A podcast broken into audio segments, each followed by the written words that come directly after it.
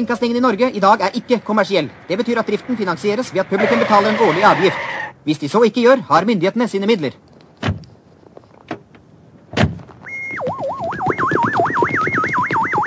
Her i Norge har vi hatt kringkastingsavgift slik vi kjenner den i 61 år.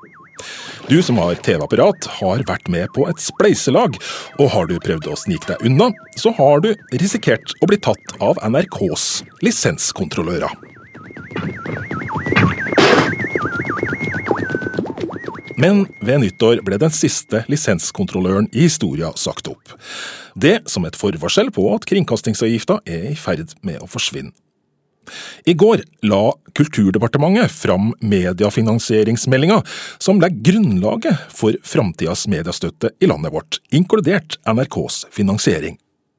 Vi skal ta utgangspunktet i den nye meldinga og se inn i medieframtida. I tillegg skal mediepanelet litt seinere snakke om hvordan det er for ei avis som VG å granske seg sjøl. Hvordan gjør de egentlig det? Velkommen til Kurer. Jeg heter Lars Erik Ertsgaard Ringen.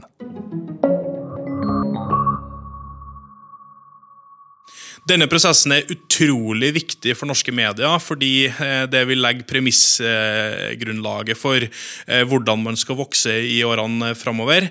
Akkurat nå så er pressestøtten eh, ja, gammeldags og har behov for å forandres på. Og du kan si at pressestøtteordninga sånn som vi kjenner den i dag, har betydelig behov for å oppdateres i tråd med f.eks.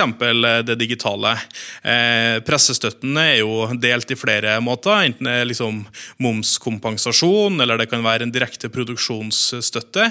Og det er også eh, NRK-lisensen er en del av denne støtten, sånn som man kjenner den tradisjonelt sett. Så dette er en utrolig viktig eh, støtte. Den du hørte her, er redaktør for bransjenettstedet Medier24, Erik Votland. Og det han snakka om, var den nye ordninga for statsstøtte av media i Norge, som vi denne uka for alvor begynte å se omrisset av. Hvert år blir rundt seks milliarder kroner tatt fra fellesskapet for å støtte journalistikk og underholdning. Rundt fire milliarder går til NRK, og to milliarder går til andre redaksjoner. I mange år har mediebransjen ønska en ny ordning for mediestøtte, fordi den tekniske utviklinga med streaming og aviser på nettet har gjort den gamle ordninga gammeldags. Men det politiske arbeidet har tatt tid. Det har gått nesten et tiår siden arbeidet ble satt i gang. Og den eh, meldinga som ble offentliggjort i går, skulle egentlig ha kommet i fjor. Erik Votland er ikke imponert over regjeringens innsats. Erna Solberg har vært opptatt av alt annet enn norsk mediepolitikk. Eh, hun har hatt statsråder som har utsatt og utsatt og utsatt prosessen med å få til et, eh, en god og framtidsretta mediepolitikk. Eh, jeg vet også at de partipolitisk har jobba eh, veldig mye med å prøve å få til et bredt eh, flertallsgrunnlag. Eh, hvor de inviterte i fjor til flere partier, også på tvers av den, den fløya som er der i, i, dag. Og Årsaken til det er at man har et ønske om at ikke når denne regjeringa forlater regjeringskontorene, så skal neste endre på mediestøtten. Man har ønska å gi norske medier en mer kontinuitet, kan man si. Men det har man ikke lyktes med enn så lenge, så vi er veldig spent på å se hva som skjer framover nå. Den stortingsmeldinga kulturministeren presenterte i går, skal etter planen behandles av Stortinget før sommerferien. Men ettersom regjeringa nå har flertall i Stortinget, gir innholdet i meldinga en sterk pekepinn om hvordan framtidas Media-Norge blir seende ut. Erik Votland, som altså er redaktør for bransjenettstedet Medier24, forklarer hvorfor det som skjer nå er så viktig for deg som hører på Kurer. Pressestøtte er demokratistøtte. Eh, og dette har vært eh, penger som har vært viktig. Eh, så det er klart at dersom man reduserer denne porten, så har det utrolig mye å si for hvilken type journalistikk man får tilbake. I starten av dagens sending hørte vi at det eneste vi visste med sikkerhet om innholdet i mediestøttemeldinga som ble offentliggjort i går ettermiddag, var at kringkastingsavgifta, som til nå har vært knytta opp til gammeldagse fjernsynsmottakere, vil forsvinne. NRK får altså en flunkende ny finansieringsordning. Derfor mener kringkastingssjef Tor Gjermund Eriksen at stortingsmeldinga er en milepæl. Nei, for det er den viktigste på mange tiår for NRK. Eh, nettopp fordi eh, vi eh, et, eh, kommer til å få et nytt finansieringssystem. Det haster, så jeg er veldig glad for at den kommer nå. Uh, og så tror jeg at det er viktig også å se hele det norske mediemangfoldet i, i, i, sammenheng. NRKs rolle, de små lokalavisenes rolle, de nasjonale medienes rolle, og ikke minst regionavisenes rolle i sammenheng. Og da får vi en, en helhetlig uh, uttrykk for, uh, for mediepolitikken i Norge. Så det, det har vi venta på ganske lenge, og nå får vi den. Vi snakka med kringkastingssjefen før kulturminister Trine Skei Grande offentliggjorde rapporten fredag ettermiddag. Derfor visste han enda ikke hva innholdet i det svært viktige dokumentet var. Kringkastingssjefen håper at det nye finansieringssystemet vil ta vare på tre viktige hensyn for NRKs del så har vi har aldri vært sånn helt klare på hvilken ordning vi foretrekker, men vi har sagt at, at det må være en ordning som understreker og sikrer NRKs redaksjonelle uavhengighet. Det må være en ordning som er bærekraftig over tid og i forhold til teknologiske endringer. Det er jo problemet med dagens. Og så må den oppfattes som, som rettferdig eh, hos publikum. Klokka ti på halv ett fredag ettermiddag gikk kulturminister Trine Skei Grande på scenen til landsmøtet for lokalavisa i Drammen for å presentere den nye meldinga.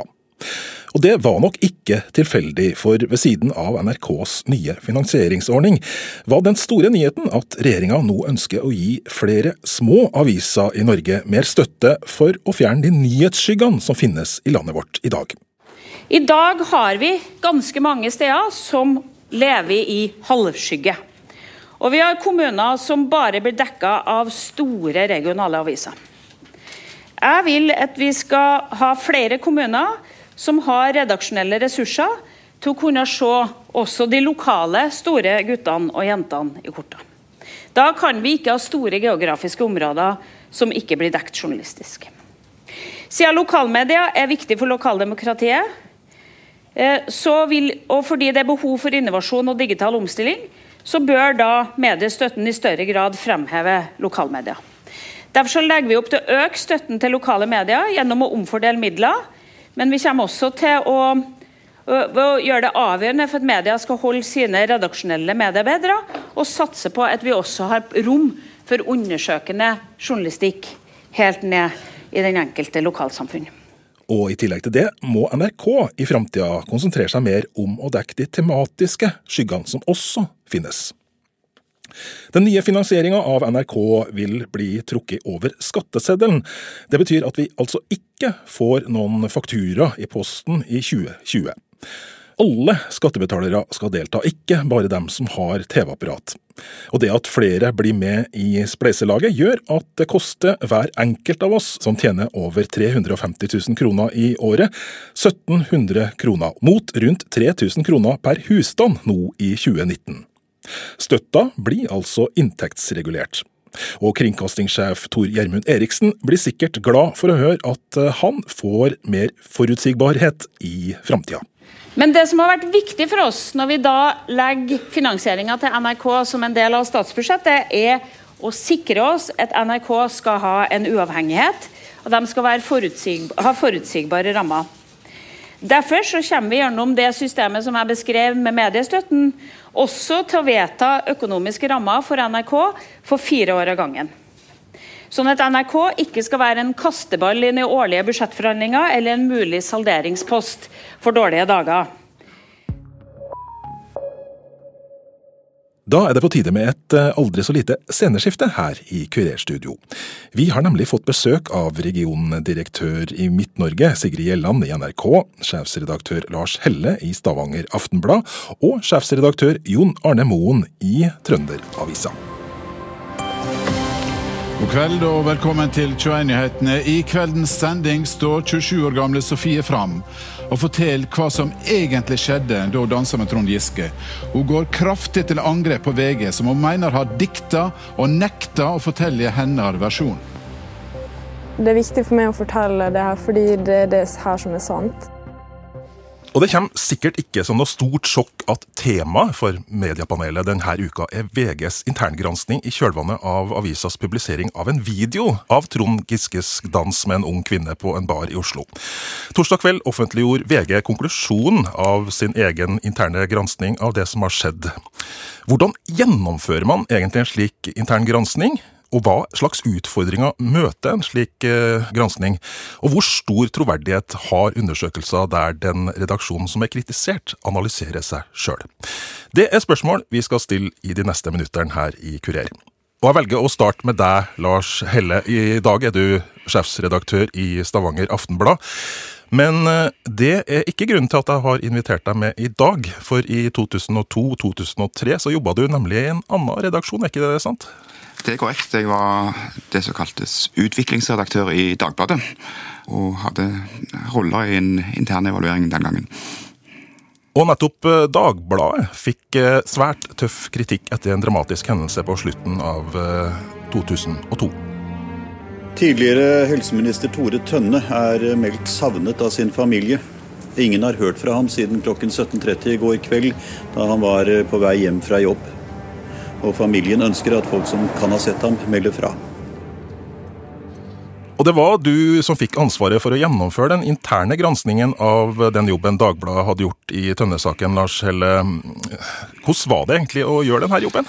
Ja, først må vi si at Bakteppet var, var litt forskjellig. For det Dagbladet hadde gjort i forkant av denne tragiske hendelsen var jo det som de fleste så på som meget god journalistikk. og Mange mente at det var noe av det beste Dagbladet har gjort på mange år.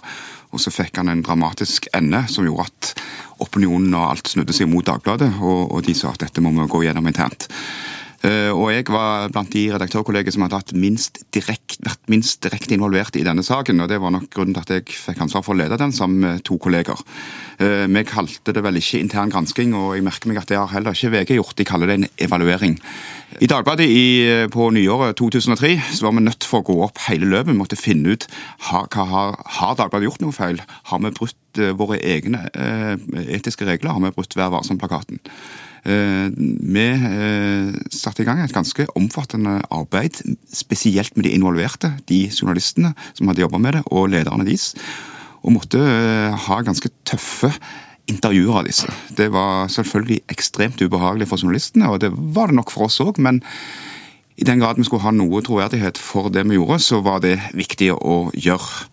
Og så visste vi jo at når du foretar en intern evaluering, så, så blir det alltid kritikk eh, eksternt. Uansett hva du kommer fram til, uansett hva du gjør. Eh, akkurat det samme ser vi i VG. Uansett hva den evalueringen hadde ført til, så ville det blitt eh, kritikk. Eh, men jeg tror det er helt nødvendig å gjøre det, og jeg tror det var utrolig nyttig for Dagbladet. Men Lars Helle, hva var det som var tøffest der, veldig kort? Nei, Det var selvfølgelig møtet med, med journalisten. Jeg tror eh, egentlig ikke de var forberedt på at vi hadde et ganske tydelig mandat, og, og, og, og måtte være ganske kritiske i tilnærmingen til de. Det tror jeg de opplevde som ganske tøft. Eh, og det, og det var det nok òg. Sigrid Gjelland, mange snakker om uh, bukken og havresekken uh, når redaksjoner gransker seg sjøl på denne måten. Hva tenker du? Jeg tenker at den uh, rapporten eller evalueringa som VG har lagt fram, er veldig interessant. Det er interessant for oss som er redaksjonelle ledere, og interessant for oss som jobber i, i media. Og det er en uh, stor åpenhet som er utøvd der. Så det går faktisk an å gå etter prosessen deres, og kjenne seg igjen også, faktisk, i situasjoner som er, som er vanskelig. Uh, selvfølgelig må de gjøre en egen evaluering. Det er modig av dem å legge den åpent ut. Vi ser noen mener at man kanskje også burde hatt en ekstern gransking. Kanskje det kan veldig godt hende. Men i første omgang syns jeg det er prisverdig at de er så åpne om den evalueringa de har gjort sjøl. Jon Arne Moen, ville du ha gjort det samme grepet om du var i en sånn situasjon i Trønderavisa? Ja, det vil jeg nok. Jeg er helt enig med både Lars Helle og, Sigrid Gjelland her at det var nødvendig for VG å gjennomføre en intern prosess. Så vil nå uh, sikkert tida som kommer vise om det er tilstrekkelig uh, eller ikke for for avisa sin, sin, del. Men at dette var nødvendig, det tror jeg alle er enig i. Og hensikten, bare for å legge til det, hensikten med den interne evalueringa, det skriver de jo på slutten av den rapporten, det er jo læringspunkt her. De må jo gjøre en egen evaluering for å kunne sette i gang læringstiltakene. Lars Helle, hva, hva syns du er de store, største utfordringene med det VG har gjort i denne saken? Eh, de største utfordringene er at de allerede var utsatt for vanvittig stor kritikk. De bygde opp en voldsom forventning der ute til at det skulle komme noe fra VG, og til denne rapporten, som ble sett på som nærmest en slags D-dag ute, i alle fall i, i, i mediemiljøet. Eh, så, så mye, mye de, de, skapte mye, kanskje unødvendig mye oppmerksomhet om, om, eh, om denne rapporten. Men de må jo også si at det med å evaluere seg selv er jo noe vi gjør i mediene hele veien. Vi gjør jo store og små feil ofte, og av og til gjør vi ting bra, men vi prøver jo å ha en sånn kritisk gjennomgang av det vi har gjort. Men av og til så, så blir sakene større og mer voldsomme enn, det, de, det, de, det, de, normalt blir, og da fører det til dette som det har gjort med VG.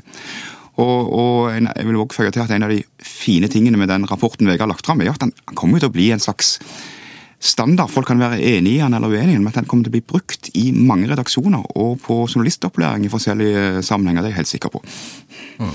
Vi, vi, journalister har jo en, en, regelbok om vi skal kalle det det, som heter Vær varsom-plakaten. Jon Arne Moen, hvilke punkt eh, i den altså Vær varsom-plakaten syns du man kanskje bør diskutere mest i denne saken?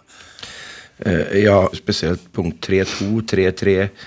3.9 og for så vidt også 4-1. Altså det er flere punkt i Vær varsom-plakaten som mm. nok nå, vil bli diskutert. Nå er det jo sånn at lytterne ikke kjenner Vær varsom-plakaten så godt, så kan du, kan du, eh, raskt ta det? Nei, Hvis vi starter forfra med 3-2, så er det jo valget av kilder. Eh, at man skal være kritisk til valget av kilder. Spørsmålet er om, om VG har vært tilstrekkelig i det når man fikk tilgang på denne filmen. Eh, så er det premissene for intervjuet eh, og behandlingen av kilder.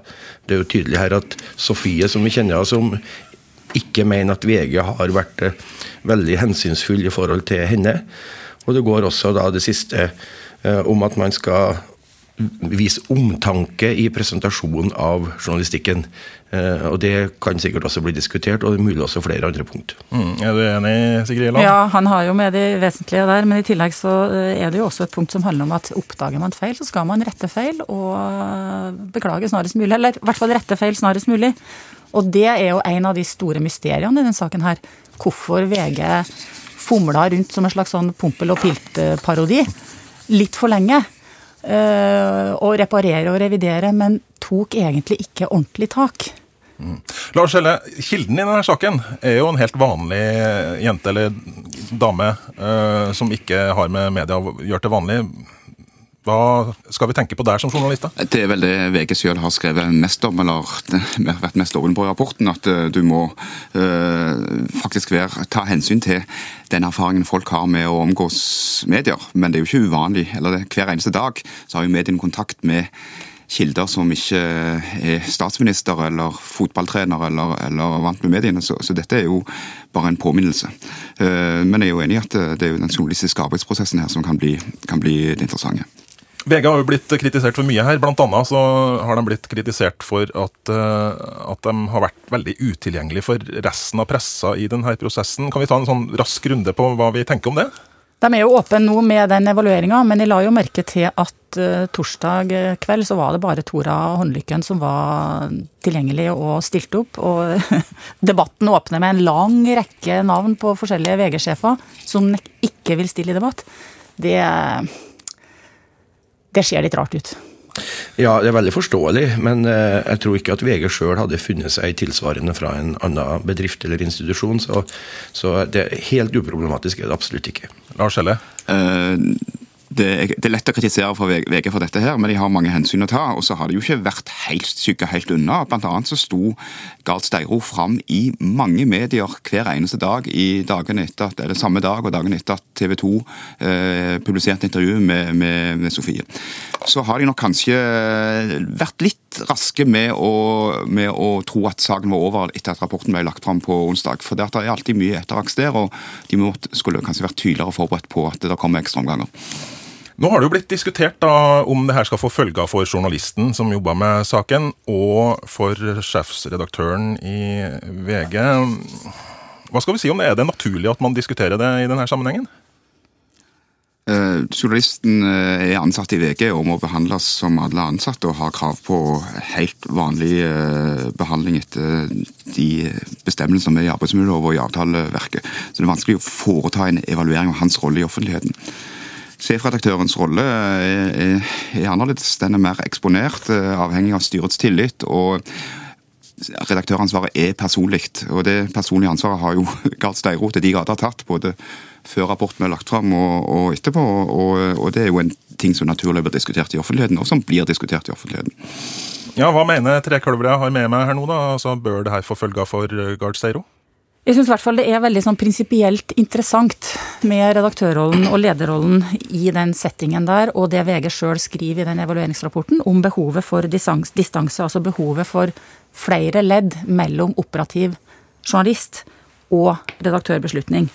Eh, VG skriver der at de bruker å være fire ledd imellom, og pga. ferie så ble det to, og det er en del av, eh, det del av feilforklaringa, på en måte, at operativ redaktør havna i et krysspress og et lojalitetspress. Sånn at han ikke Altså, redaktøren klarte ikke å holde hodet kaldt nok. Sånn, eh, sånn les i det. Og han ble isteden en del av problemet. Og da er det jo veldig, veldig naturlig at spørsmålet om hvorvidt han kan ha tillit fra styret, eh, kommer, kommer på bordet. VG bruker å være kritisk til at andre institusjoner lar ledere som har gjort feil, eller som bare har ansvar for feil som blir gjort, at de blir sittende. Men i dette tilfellet her så er det altså VG-redaktøren som tar ansvar ved å bli sittende. Jon Arne Moen? Ja, eh, jeg tror ikke vi skal gjøre det til en norm å si at ansvarlige redaktører ikke skal være delaktige i den journalistiske prosessen. I de fleste redaksjoner er det veldig vanlig. Eh, nå er VG en veldig stor redaksjon, eh, men også i store redaksjoner jeg har jo jobba som nyhetssjef i Aftenposten i gamle dager, med Einar Hanse som sjefredaktør. og Selv om han ikke var hands on i det daglige, så skjedde det jo at vi hadde saker som var så viktige at han var delaktig i prosessen, helt eh, fram til publisering. Så, så, jeg tror ikke vi skal si at det er uvanlig, og da er vi over på redaktøransvaret. Og om det her skal få noen følger for Gard Steiro, det er så langt så, så, virker det som styret i VG har tillit til en, og det blir muligens et tema som kommer tilbake, men så langt så virker det ikke sånn. Lars Helle, helt til slutt. Ja, jeg tror jeg vil følge opp eh, Jon Arne Moen her. Det er viktig å understreke at redaktøransvaret er personlig. og Det skulle liksom bare mangle at ikke redaktørene involverte seg litt, selv om det ikke er hands on hele veien. Til og med i VG så tror jeg det ikke er uvanlig at redaktørene blir konsultert og konfrontert eh, med, med saker og involverer seg i dette. Det er en del av, av, av jobben deres. Så, øh, så, er VG en stor organisasjon og større enn de fleste av oss andre, så, så de har nok kanskje andre normer for det. men jeg tror ikke det må bli etterlatt inntrykk fra det, den nye normen at redaktører skal holde seg unna de viktige journalistiske avgjørelsene framover. Det må vi unngå. Men hvordan fortolker du det da, Lars? At de, de poengterer det så sterkt? Det, var, det, er en del av den systemfeilen deres? En del av systemfeilen i VG, og, og jeg tror vi må se på VG isolert her, at det er ikke sånn det vanligvis ser. Og så ser, står det også i rapporten at i, denne, i disse ukene så har, har, det vært vinterferie i forskjellige deler av landet, og, og de hører hjemme i forskjellige deler av landet, så det har vært mangel på ledelse til stede rett og slett pga. ferie. Og Det er jo noe vi har i norske, norske medier, og, og, og, kanskje har ikke de hatt et godt nok system for det. Uh, og, og, VG ser på dette som en feil i VG. Uh, at de ikke har hatt nok ledd, uh, på det. det men, men, men igjen, det må ikke bli normen for norsk presse at redaktørene skal lenger unna beslutningene. Og da er vi faktisk nødt til å sette punktum for denne utgaven av eh, Kurer. Takk til Lars eh, Helle, sjefsredaktør i eh, Stavanger Aftenblad, Jon Arne Moen, sjefsredaktør i Trønderavisa, og regionredaktør Sigrid Gjelland fra NRK Region Midt. Produsent for denne sendinga var Fredrik Skage Øyen, og redaksjonsleder er Randi Lillealteren. Og jeg heter Lars Erik Ertsgaard Ringen og håper du får en fin lørdag.